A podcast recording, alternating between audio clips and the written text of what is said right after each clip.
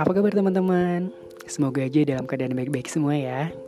Namun jika memang ada yang dalam keadaan tidak baik, semoga semesta bisa cepat menyembuhkan agar dapat kembali baik. Semangat! Oh iya, belum pembukaan ya. Selamat datang di podcast kata ya.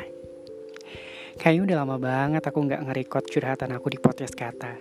Karena memang beberapa hmm, bulan ke belakang aku ngerasa mandek aja. Nggak punya inspirasi sama sekali Bahkan buat ngerekod podcast aja nggak ada semangat. Pokoknya seakan-akan semua berjalan dengan buruk. Tapi akhirnya kali ini aku coba buat paksain diri sendiri buat take podcast, ngerekod curhatan, dan unek-unek selama ini.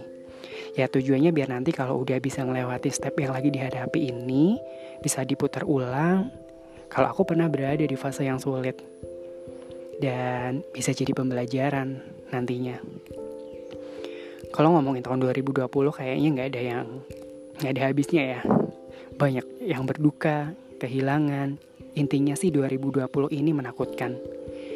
Tapi mau semenakutkan apa pun ya harus dilalui dan dijalani. Tadinya aku kira tahun 2018 kemarin adalah tahun terburuk. Tapi saya salah saat ini tahun 2020 lah yang paling buruk kalau tahun 2018 kemarin masalahnya cuma masalah cinta. Hanya karena orang yang uh, kita kira terbaik ternyata lebih memilih untuk meninggalkan dan lebih memilih orang lain. Ya saat itu buruk aja.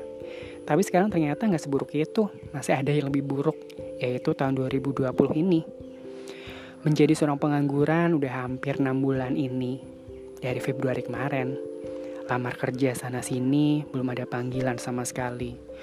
Udah ngelamar lewat pos, kirim lewat email, bahkan lewat aplikasi-aplikasi uh, pencari kerja. Belum ada satupun yang dapat panggilan. Sedih, insecure, mempertanyakan kelayakan atas diri sendiri. Takut, bingung, sedih, bercampur menjadi satu. Gak tahu harus berusaha seperti apa lagi dan berdoa yang seperti apa Hingga akhirnya harapan kali ini bisa segera terwujud. Gak jarang saya putus asa, tapi saya coba kembali untuk bangkit. Bukan bangkit berlari, karena ternyata sulit. Aku bangkit dengan perangkak, dengan harapan dapat kembali berlari.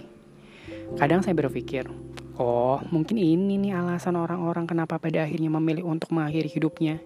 Karena kehilangan harapan memang uh, sangat menakutkan harapan mereka yang digerogoti oleh realita hidup. Tentu saja aku tidak ingin seperti itu.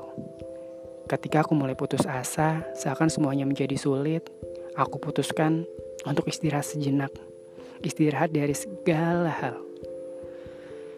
Dengan mencoba menetralkan kembali diriku, entah dengan hal-hal kecil seperti menggunakan uh, coba untuk tidak menggunakan handphone. Ini lumayan efektif sih. Atau sekedar naik sepeda berkeliling komplek bahkan sekedar menonton kartun atau mendengarkan podcast. Ya intinya saya mencoba untuk menetralkan diri saya kembali. Saya rasa semua orang punya caranya masing-masing. Hidup hidup ya proses proses yang tidak gampang. Tapi harus dilalui.